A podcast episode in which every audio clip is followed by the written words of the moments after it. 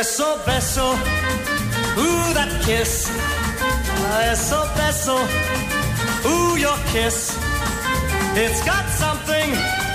Coses que passen a la ràdio mentre no està engegat el micro. Ara estan parlant amb la Sílvia Soler de Nàpols, i que és una Sí. impressió molt potent, molt potent. Vull dir, si no hi heu estat mai a Nàpols, doncs és una cosa intensa, intensíssima. Exacte, és de- d'experiències fortes.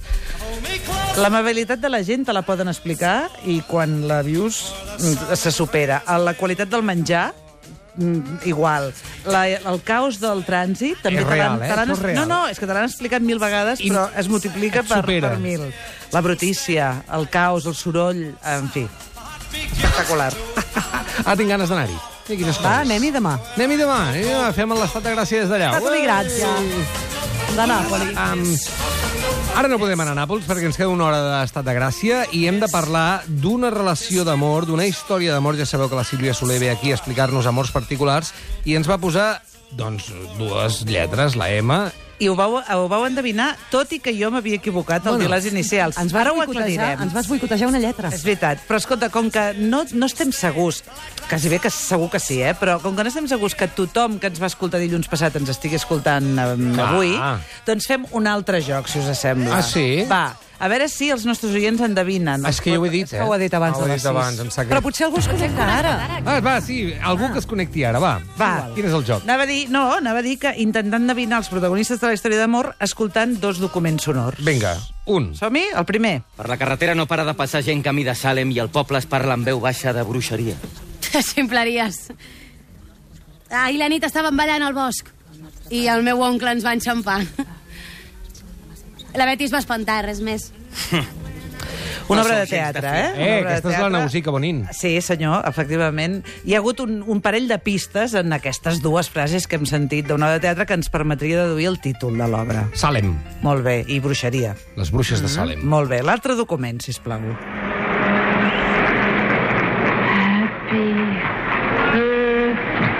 La Sherman. No, és la Virgínia. Kennedy. Mare de Déu, la dona. Vaya em devia veure això, eh? Oi, oi, oi, oi, oi, oi, cada vegada que ho sento, eh? I si la veus, no digues. Bueno... Marilyn Monroe i Arthur, que no Henry Miller, que vaig dir jo la setmana passada, perquè ja sabeu que hi ha dos escriptors eh, que es diuen Miller, Sí. de cognom, i jo em vaig equivocar, vaig dir una H i no, no, era Arthur Miller. Arthur Miller, autor, entre d'altres, de Les Bruixes de Salem, que és aquesta Dels dos Miller, obra que sentíem. l'Arthur vindria a ser el més normalet, perquè el Henry... Sí, Vaya sí, tela. efectivament, Vaya efectivament. tela. Tot i que avui descobrirem que també l'Arthur També? vaya tela. També? Tot sí. i aquella aparença de, de, de funcionari, semblava un funcionari, Sí, però igual amagava algun cop. Doncs escolta, aquesta història d'amor entre Marilyn Monroe i el normal, però no tan normal, Arthur Miller.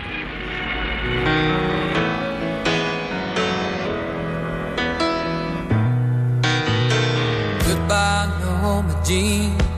No, I never knew you at all. You had the grace to hold yourself while those around you crawl. Goodbye, Norma Jean.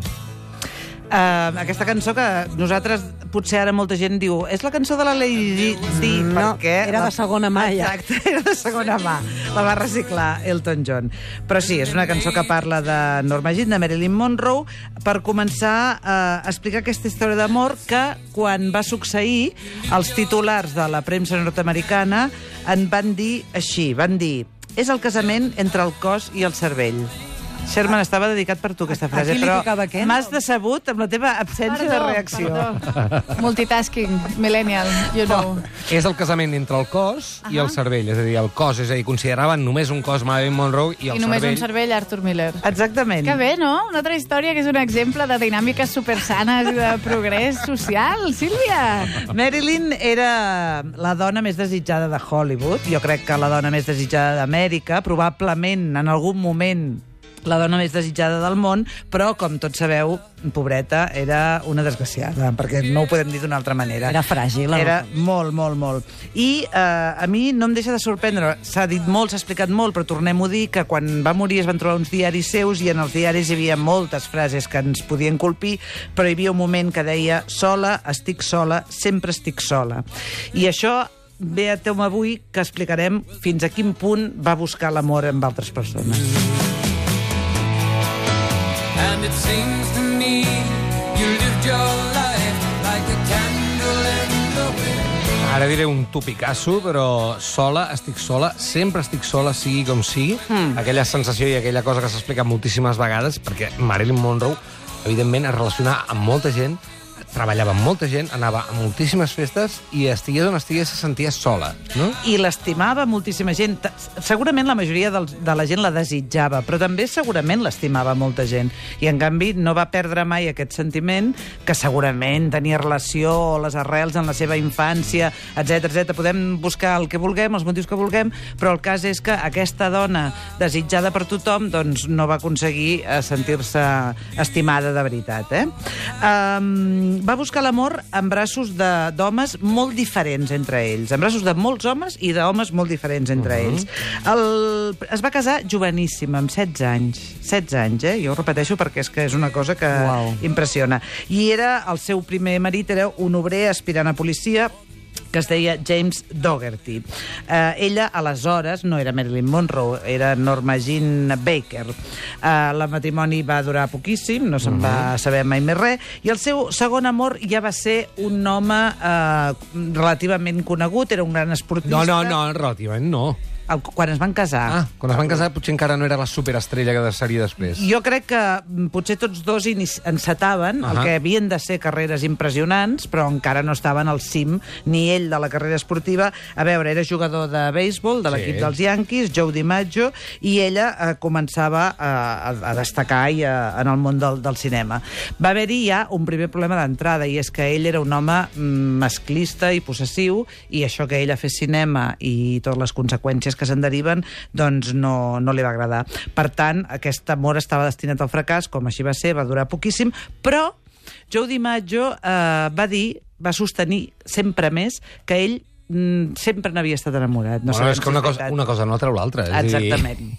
Pot ser molt gelós i fins i tot maltractador i sentir que tu estàs estimant de manera molt pura. Tenim una dada, i és que quan va morir ella, quan Marilyn Monroe va morir, Joe DiMaggio, que la va sobreviure eh, 20 anys, va enviar durant, eh, durant aquests 20 anys tres cops per setmana flors a la, se- a la seva tomba. Mm -hmm.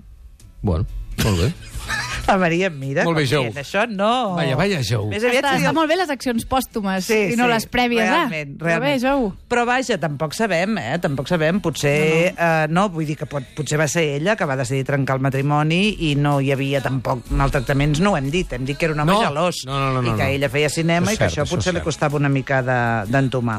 En fi, tenia 25 anys, ens situem, Marilyn era ja una actriu eh, envejada i desitjada i va conèixer un home que no tenia res a veure amb cap d'aquests dos primers amors. Recordem James Dougherty i Joe DiMaggio. Era un home completament diferent. Tampoc tenia a veure amb el seu entorn, amb els seus amics del món del cinema, del món de la faràndula. Era un intel·lectual jueu, escriptor de teatre, guanyador d'un Pulitzer, Arthur Miller. Diuen que ella, mm, abans de conèixer Miller, ja era una noia en contra de la imatge que tothom s'havia creat d'ella, de frívola, su- superficial, etc. i era una noia que tenia interès per aprendre. No sé si tenia una gran cultura, però que li agradava llegir, que li agradava interessar-se eh, per les coses, i per tant va quedar enlluernada per Miller.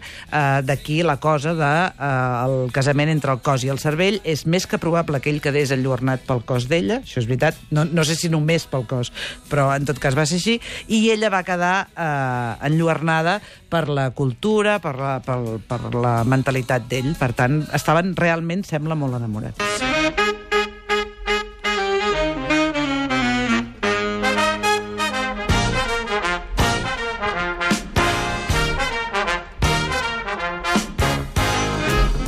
És dur ser a vegades només un cos i que la gent t'admiri molt, o només un cervell i que la saps, gent eh? T'admiri molt. clar. No, però nosaltres, per exemple, nosaltres quatre, que som les dues coses alhora... Mm, exacte, això és molt difícil de Oh, suportar. per Són molt odiosos. Una cosa, de veritat...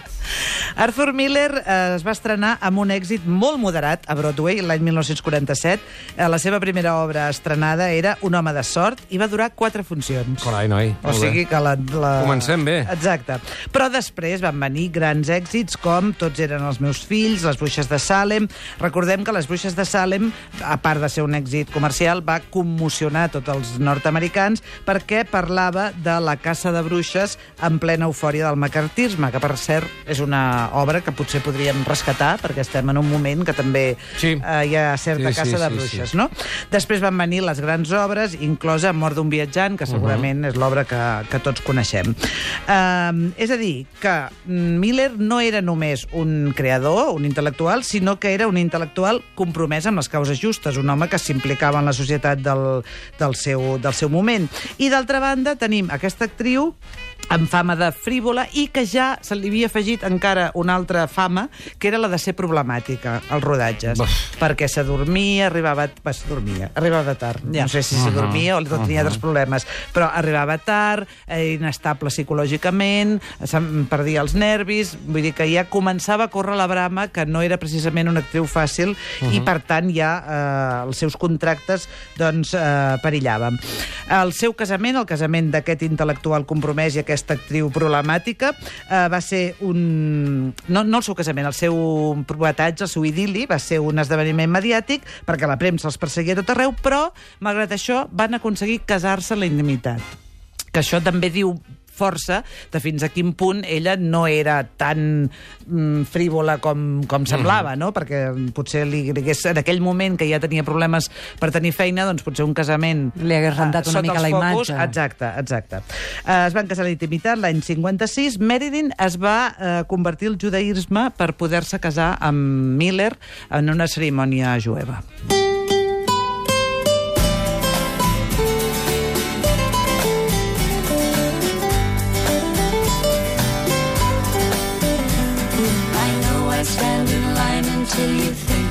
have the time to spend an evening with me. And if we go someplace to dance, I know that there's a chance you won't be leaving with me.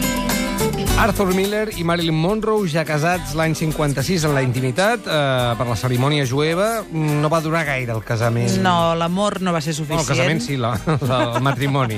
L'amor, eh, que sembla que hi era, no va ser suficient, la història va fracassar i a partir d'aquí, com sempre sol passar, hem de parlar de dues o més versions perquè no totes coincideixen. Per una banda, hi ha alguns que diuen que Miller directament es va cansar de les infidelitats de Marilyn Monroe, que després ho veurem, s'embolicava amb els companys de rodatge d'una forma bastant habitual. D'altres diuen que Marilyn es va decebre perquè aquest gran intel·lectual en realitat tampoc veia més enllà del cos d'ella i que per tant no la tenia en compte. Uh, el cas és, la, les coses concretes és que ella va començar amb les depressions, amb els ansiolítics, amb el caràcter inestable i que realment la convivència amb ella devia ser molt complicada. La història ens dona arguments que sustenten cadascuna d'aquestes dues versions que diem. Tenim del cert que Marilyn eh, no va parar de tenir embolics amb diversos actors. Per exemple, Tony Curtis, una relació que va durar de forma intermitent durant 8 anys, mm. mentre ell estava casat amb Janet Leigh, mm -hmm. i que, per tant, se suposa que havia de ser una història tormentosa. Diuen que Marilyn es va quedar embarassada i que va reunir en una habitació... Això és una escena que podria ser de pel·lícula, però diuen que és veritat. Ella es, està casada amb Miller. Sí. Eh?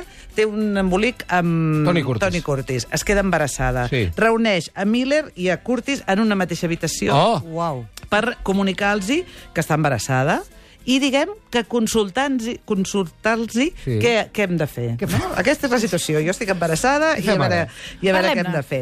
Uh, allò devia ser, imagineu-vos, una situació prou violenta i prou estranya. Però, però la Marilyn sabia de qui era la, la criatura? No ho sabem. No, això no ho sabem, no? No ho sabem. Mm, jo crec, eh, tal com vaig llegir, perquè ara he fet un resum de la història, però crec que era de Tony Curtis. Tenia eh? clar que era de Tony Curtis. Sí, sí, sí. Sí, perquè, a més a més, tot fa pensar que si hagués sigut del seu marit marit. Doncs, potser... allà ja està. Clar, Exacte, clar, clar, aquí clar. pa dir després glòria, diguéssim, no?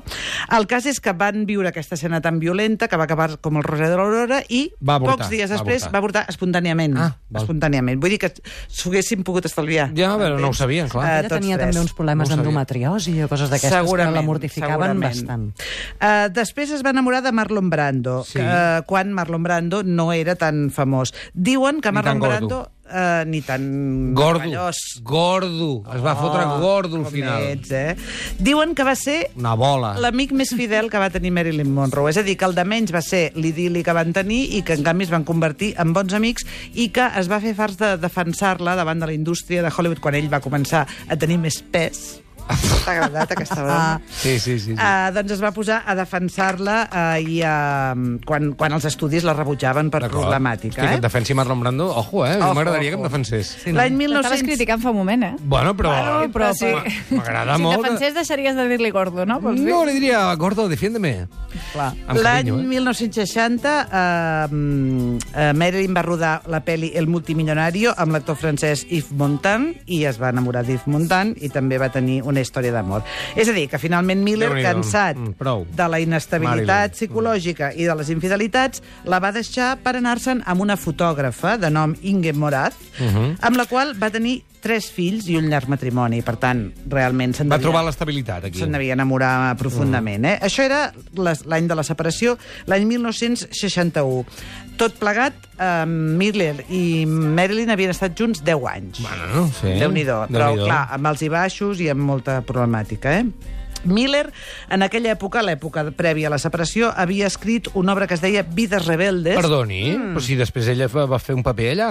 Sí, sí, Ah, sí. sí? Ah, sí No sabia que era del sí. Miller. No, home, no només era del Miller, sinó que hi ha una, un mm, personatge, jo no recordo Sí. Vides rebeldes, eh? Tu Sí, te'n del John Huston, molt? no? És de les últimes del John Huston. Hi ha, un, hi ha un personatge que està inspirat clarament en Marilyn Monroe. Ah. I... I el Um, Clark Gable, no? Exacte. Clark Gable, el, el personatge que interpretava Clark Gable, a la pel·lícula eh, diu una frase, per tant, escrita per Miller, que és Pot somriure un home quan contempla la dona més trista del món? Acabar-nos. És bonica, eh, la frase? Home, Arthur. Clar, que de, vindria a ser l'explicació del desastre, del seu desastre eh, sentimental, per dir-ho així. Eh? Quan li preguntaven pel seu amor amb Marilyn Monroe, eh, quan un cop ell havia mort, Que li devien preguntar per activa i per passiva. Totalment, i això l'indignava una mica, com és natural.